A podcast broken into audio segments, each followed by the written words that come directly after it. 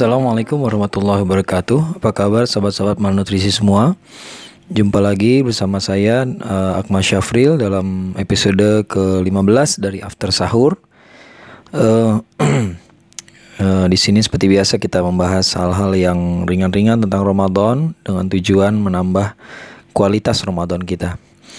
Uh, ini banyak nih pertanyaan ke saya nih nggak tahu kenapa ya uh, atau anggap saja kita nggak tahu kenapa gitu ya banyak yang bertanya ke saya tentang uh, bagaimana uh, kita harus menghadapi hari ini. Ya hari ini kenapa kenapa hari ini spesial ya?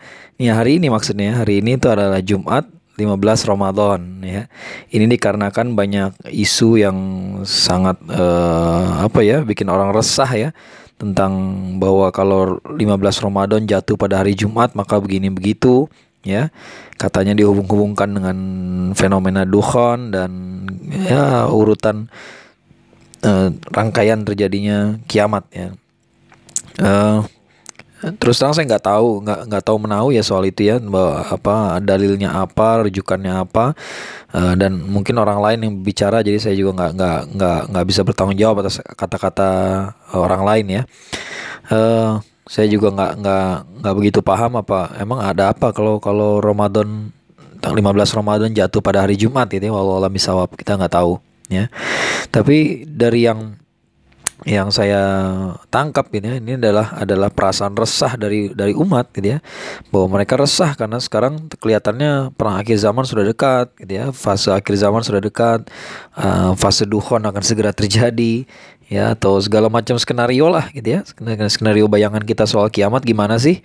Ya pastinya nggak ada gambaran kiamat itu yang yang apa yang tenang-tenang saja gitu ya.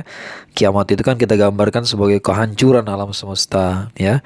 Diawali dengan terjadinya perang yang sangat dahsyat ya, munculnya Imam Mahdi, nah, Nabi Isa alaihissalam turun kembali, nah, kehadiran Dajjal dan sebagainya gitu ya. Itu cerita-cerita yang ya ya aneh sih kalau ada orang yang tidak resah ketika membaca kisah itu gitu ya ya. Nah, sekarang nih banyak orang bertanya-tanya uh, apakah betul akan terjadi begini begitu ya pada hari ini ya pada hari Jumat 15 Ramadan 1441 Hijriah. Ya karena ada isu begini begini begini ini. Nah itu ya begini begininya kita nggak terlalu pasti ya maksudnya apa ya.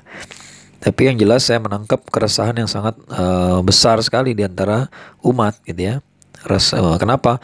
Karena ya masalah pandemi aja belum selesai. Ya, pandemi ini cukup berat ya. Pandemi ini bukan hanya masalah virusnya doang, ya kena atau nggak kena virusnya, ya masalah ekonomi juga berpengaruh ya.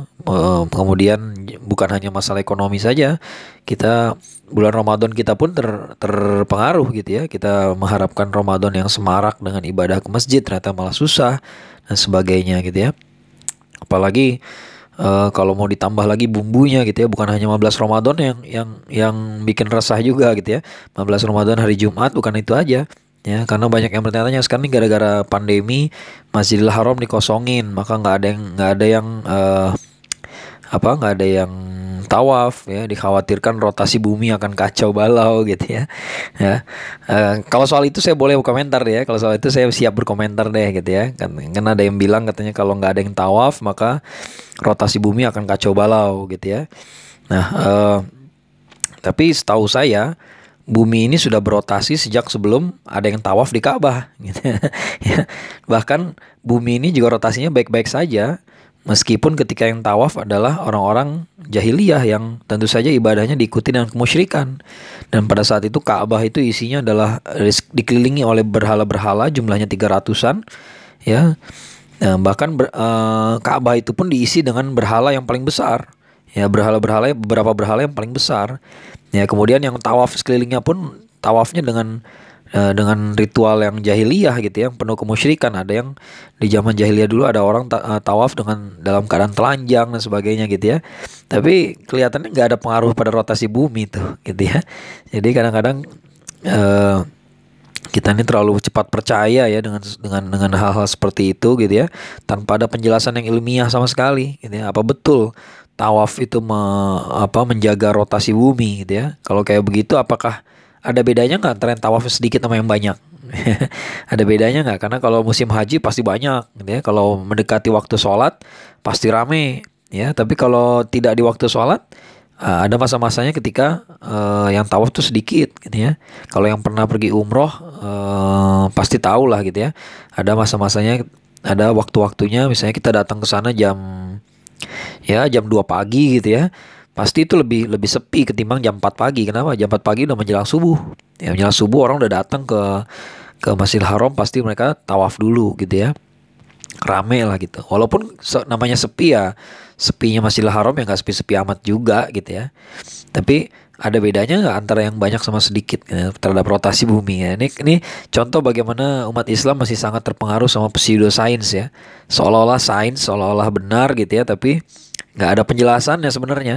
Penjelasannya nggak ada dalilnya nggak ada juga gitu ya. Tapi karena bombastis maka kita percaya gitu.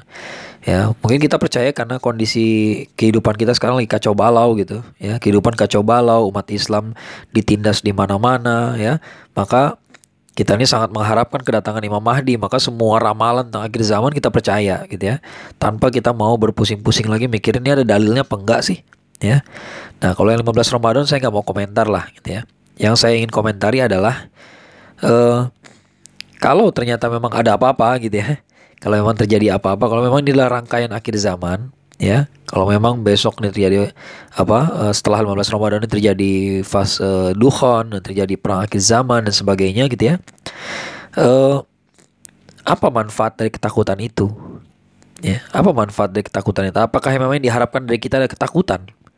Ya apakah yang diharapkan dari kita kalau memang kita ini generasi akhir zaman yang harus menghadapi kiamat itu kita ya apakah ketakutan ini dibutuhkan?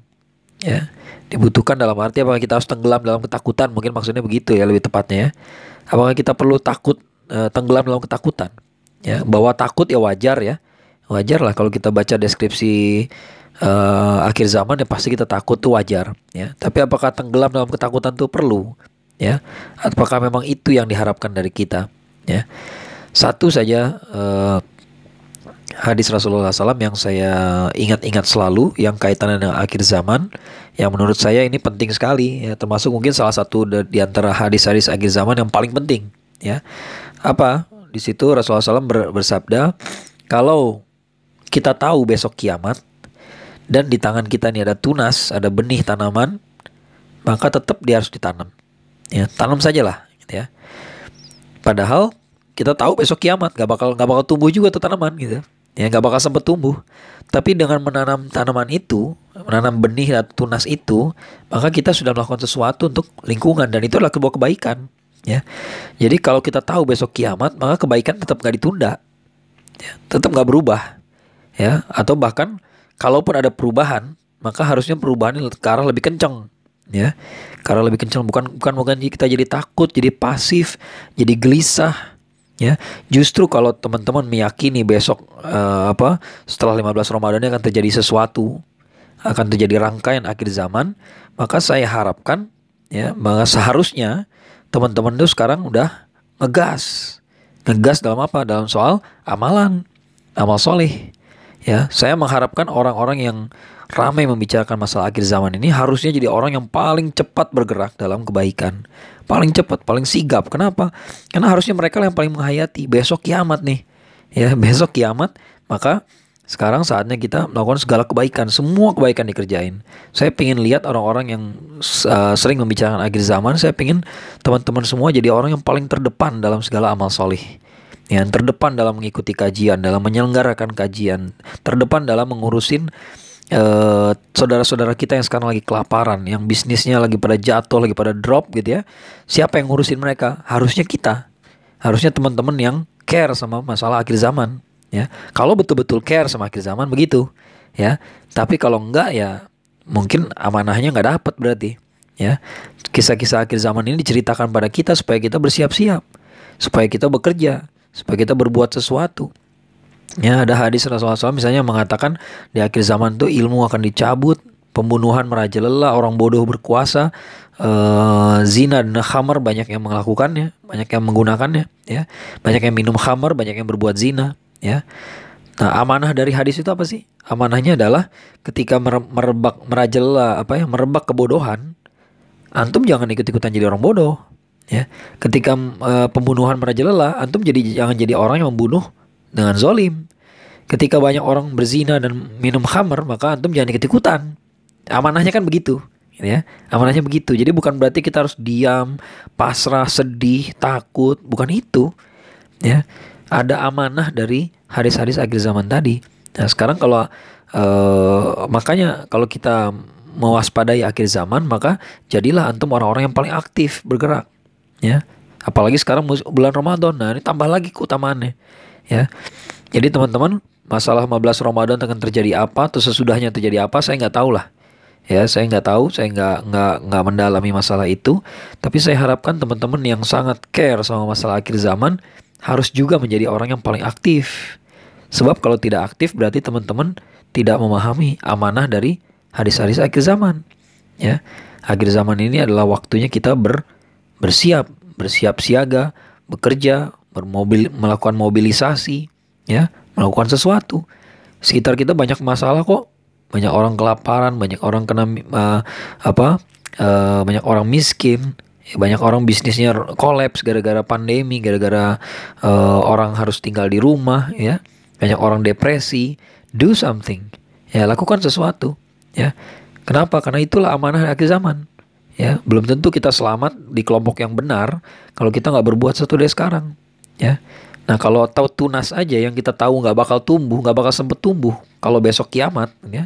Apalagi hal-hal yang kita tahu pasti pasti akan berbuah ya.